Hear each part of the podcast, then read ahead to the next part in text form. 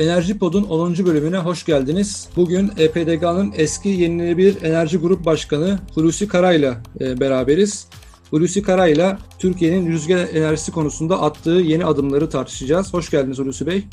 Hoş bulduk. Teşekkür ederim. E, şimdi ilk soruyla başlayayım. Türkiye'de 25 Kasım'da günlük bir üretim rekoru kırıldı. Dünyada da her ülkenin kendi rekorunu geliştirdiği bir trend var. Peki e, Türkiye rüzgar enerjisi konusunda dünyayla dünyayı zamanında yakalamış bir konumda mı? Şöyle söyleyebilirim. E, teknoloji şöyle. Evet, bizim ilk e, bu 2008-2009 yıllarındaki o günkü koşullarda Avrupa'da ne üretiliyorsa o türbinlerle e, elektrik üretilmeye çalışılıyordu. İşte Nordex'in, Vestas'ın hep böyle 70 metre rotor çaplı, 80 metre rotor çaplı rüzgar e, türbinleri elektrik üretiliyordu. Bugünkü gelinen noktada da aynı türbinlerle şimdi daha yüksek kanat çapı, 80 metre kanat çap uzunluğu, ne bileyim 160 metre rotor çaplı rüzgar e, türbinleri elektrik üretilmekte ve dolayısıyla elektrik üretim verimi daha da artmıştır. Dolayısıyla e, Avrupa'da e, hangi türbin sisteme bağlanıyorsa Türkiye'de e, e yani çok az gecikmeli de olsa üretilme üretiliyor.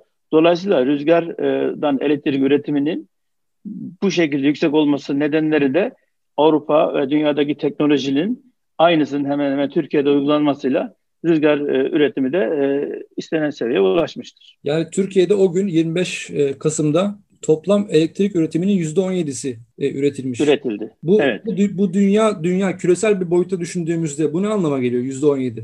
Şöyle e, bu belki e, bir Hollanda, bir Amerika için düşük olabilir. Çünkü onlardaki rüzgar kurulu gücü toplam kurulu güçlerin 130 civarındadır. Hı hı. Dolayısıyla onlardaki bu oran daha yüksek olabilir. Fakat bizdeki rüzgar kurulu gücümüz, toplam kurulu gücü oranımız %9 e, civarındadır. Evet. Dolayısıyla %9 e, olan yerde %17'lik üretim çok ciddi bir orandır. Bunun nedeni e, gere, gere, tabii ki rüzgarlı ortama, o günkü rüzgar koşullarına bağlı. Ayrıca kullanılan rüzgar türbinlerinin en son model, teknolojik e, teknolojiye en uygun olan türbinler seçilerek e, rüzgar veriminden yararlanılmıştır. Belki bu aynı türbinde değil de daha düşük e, verimli olan türbinler işte eski türbinler kullansaydı bu %17'ler %8, %9'da da kalacaktı. Ama Avrupa'da dünyada uygulanan en son teknolojik ürünler Türkiye'ye kullanılmaya başlandığı için türbinlerin rüzgar üretim kapasitesi artmıştır. Dolayısıyla bu %17 olması normaldir. Belki ileriki yıllarda kanat çaplarının artmasıyla şu anda kanat çapı 80 metrelere çıktı. Yani toplam baktığınız zaman rotor çapları işte 160 metre, 170 metrelere çıkıyor. Bunun anlamı şu artık rüzgar hızı 2 metre saniye, metre saniyede bile rüzgar açabil, e, üretebilecek duruma geliyor. Hı hı. Bu da e, üretim kapasitesinin artmasına, dolayısıyla rüzgar üretiminin de artmasına neden oluyor. Yani son son yıllarda e, çok fazla yeni sahanın devreye girmesi mi yoksa var olan sahalardaki teknolojinin arttırılması mı bu böyle bir patlamaya neden oldu? Şöyle son yıllarda yeni e, yeni sahaların devreye girmesi ve yeni sahalar devreye girerken de Avrupa'da dünyada kullanılan en son e, teknolojik ürünlerin kullanılması sonucu e, rüzgar üretimimiz e, beklenenden daha iyi olmuştur. Peki e, yerli üretim konusunda mesela doğalgaz konusunda çok takıntılıyız. Birçok konuda da öyle. Yerli olsun, yerli üretim yapalım, e, teknolojimiz gelişsin vesaire. Bu konularda e, biraz hassasız yani. Yerli milli söylemi üzerinden ilerliyorum. E, yenilenebilir rüzgar enerjisi konusunda Türkiye ne kadar e, yerli teknoloji üretebiliyor? Şöyle e, bildiğiniz gibi biz e, ilk yenilenebilir kanunu çıktığında yerli katkı bedeli uygulaması e, başlatıldı. Bu yerli katkı e, uygulaması bedeli normal alım garantisi üzerine ek bir bedel verilerek işte rotora, türbüne, e, kuleye bağlı olarak ekstra bir bedel alıyorlardı kilowatt saat başına. Bunun neticesinde birçok türbin üreticisi gelip e, ülkemizde kanat fabrikası kurdular. Yani bunun ismini vermek istemem ama birçok e, üretici firma şu anda e, kanat fabrikası kurdu kanatların birçoğu ülkemizde üretiliyor. Ülkemizde üretilip gerek Avrupa'ya gerekse e, Afrika'ya, e, Orta Doğu'ya gönderiliyor. Sonrasında ülkemiz bu konuda ne oldu? Bir e, iş gücü oldu. Yerli sonuçta kanatlar ülkemizde üretiliyor. Kule ülkemizde üretiliyor. Hı. Hatta e, birçok türün de üretilmeye başlandı. E, bunun neticesinde yerli üretime çok büyük katkı sağladığını düşünüyoruz. Ve önümüzdeki dönemde de bu alım garantisilerine ek olan o 5 yıllık yerli katkı payı da devam ediyor. Onun devam etmesi ülkemize çok e, olumlu katkısı olmuştur. Şu an e, benim baktığım bazı rakamlarda şeyi görüyorum. Özellikle EPDK'nın enerji yok pardon bir bir e, STK'nın raporundan görmüştüm onu galiba. E, Ege bölgesi çok ön planda. Peki yani yeni sahalar, yeni bölgeler, e, potansiyel bölgelerimiz hangileridir, illerimiz hangileridir? Çok fazla üzerine eğilmeyen. Şöyle e, aslında bununla ilgili bir e, enerji atlası çıkarılmıştır. Eski adı Yenilenebilir Enerji Genel Müdürlüğü. Hı hı. Şimdi Enerji İşleri Genel Müdürlüğü'ne bağlandı, birleştirildi. Hı hı. Enerji Atlası'nda tabii ki e, en önemli ilk başta göze çarpan bölge Ege bölgesiydi. Evet. Onu evet. daha sonra e, Hatay bölgesi takip etti. E, daha sonra işte Marmara bölgesi, e, İç Anadolu, hatta Konya ve aşağısı olmak üzere yani evet. Dolayısıyla şu anda e, verilen lisanslarla devreye giren rüzgar üretim santralına baktığımızda hemen hemen e, ülkemizin her yerinde artık e, rüzgar türbinleri üretime geçmiştir. Hı. Tabii ki en verimli yerlerimiz dediğimiz gibi ilk akla gelen Ege bölgesi, Hatay bölgesi, Marmara bölgesidir. Hı. Tabii rüzgar yoğunluğundan gece gündüz ısı farkında oluştuğu için rüzgar verimi fazla oluyor. Belli koridorlar var.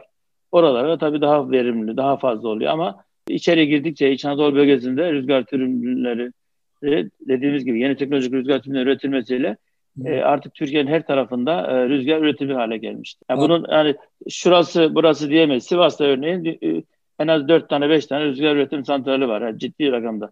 Hani dolayısıyla artık ülkemizin her tarafında bir rüzgar potansiyelinden bahsedebiliriz. Evet. Ee, önümüzdeki dönemlerde işte yeni rüzgar e, ihaleleri yapılacak. Şu anda Ekim'de yapılacaktı. Ertelendi ocağa. Dolayısıyla onları da göreceğiz ki yine e, rüzgar üretim lisansı alabilmek için yine aşırı bir talep geleceğini bekliyoruz. Çünkü e, rüzgar e, esiyor artık Türkler bakmıyor yani yatırım yaparak üretime katkı sağlamaya çalışıyor herkes. Evet peki Türkiye'nin şey hedefi nedir? Yani dediniz ya başta Avrupa ABD %30'lara ulaştı vesaire. Türkiye'nin bu konudaki hedefi nedir ve bir de yani e, rüzgarın e, Türkiye'nin enerji bağımsızlığı konusundaki rolü onu sizden e, duymak isterim. Şöyle e, rüzgarın diğer enerji kaynakları gibi bir e, sıkıntısı var. Şöyle ki rüzgar enerji santralı e, sistemde enerji verebilmek için sistemden bir e, örnekleme frekansı alarak onun aynısını üretmeye çalışır. Hı hı. E, ve sistemde e, en büyük üretim santrali kadar yedek tutulmak zorunda. Yani ve rüzgar santralı tek başına bir üretim kaynağı değildir. Hmm. Var olan üretim santrallarının yanında e, bir termik santrallerin yanında belli bir oranda çalışabilir. Hmm. Dolayısıyla dışa bağımlılığı azaltıcı bir etkisi vardır. Dışa bağımlılığı azaltacak en önemli faktör bildiğiniz gibi yerli kömürle kömür kaynaklarımızdır. Rüzgar evet. tür, rüzgar üretimi dışa bağımlılığı azaltıcı bir etkisi vardır. Evet. Tamamen yok edici bir etkisinden bahsedilmez. Dolayısıyla esen rüzgardan elektrik üretmek hem de dışa bağımlılığı azaltma açısından önemlidir. Son olarak tekrar edeyim. E, Türkiye'nin enerji yani e, rüzgar enerjisinin toplam e, elektrik üretimindeki paydası e, yani Türkiye'nin hedefi nedir bu konuda? Çok güzel bir soru. Teşekkür ederim. Şimdi Avrupa Birliği mükesebatında bunun katkı oranının %30'larda olması hedeflenmektedir. Hı hı. Şu anda da sizin de bir önce ifade ettiğimiz gibi yıllık bazda baktığımız zaman bu rüzgar üretimi %7, %10'lardadır. Evet. %10'lardadır toplam yenilenebilirin oranının 130 olması gerekir. Türkiye hemen hemen e, yenilenebilir açısından baktığınız zaman HES'le beraber buna yakındır. Evet. Ama Avrupa'da HES az olduğu için onlar doğrudan rüzgar üretimini 130'lar mertebesine çıkarmışlardır. Evet. Yıllık üretimin bazında. Sonuçta bizim yıllık üretimimiz %10'lar seviyesindekinin de tabii ki ileriki yıllarda %30'lar çıkarması gerek Enerji Bakanlığı yetkililerin işte ne hükümetin önemli politikalarından biri olmalıdır. Bunun için de e, önüm rüzgar potansiyelimiz yaklaşık olarak işte bizim o zamanlar hesaplanan bize bildirilen 35 bin megawattlardı. Teknolojinin gelişmesiyle bunlar artık 70 bin megawattlara bile elektrik üretilebilir. Hı E, kısaltlar kurulabilir haldedir.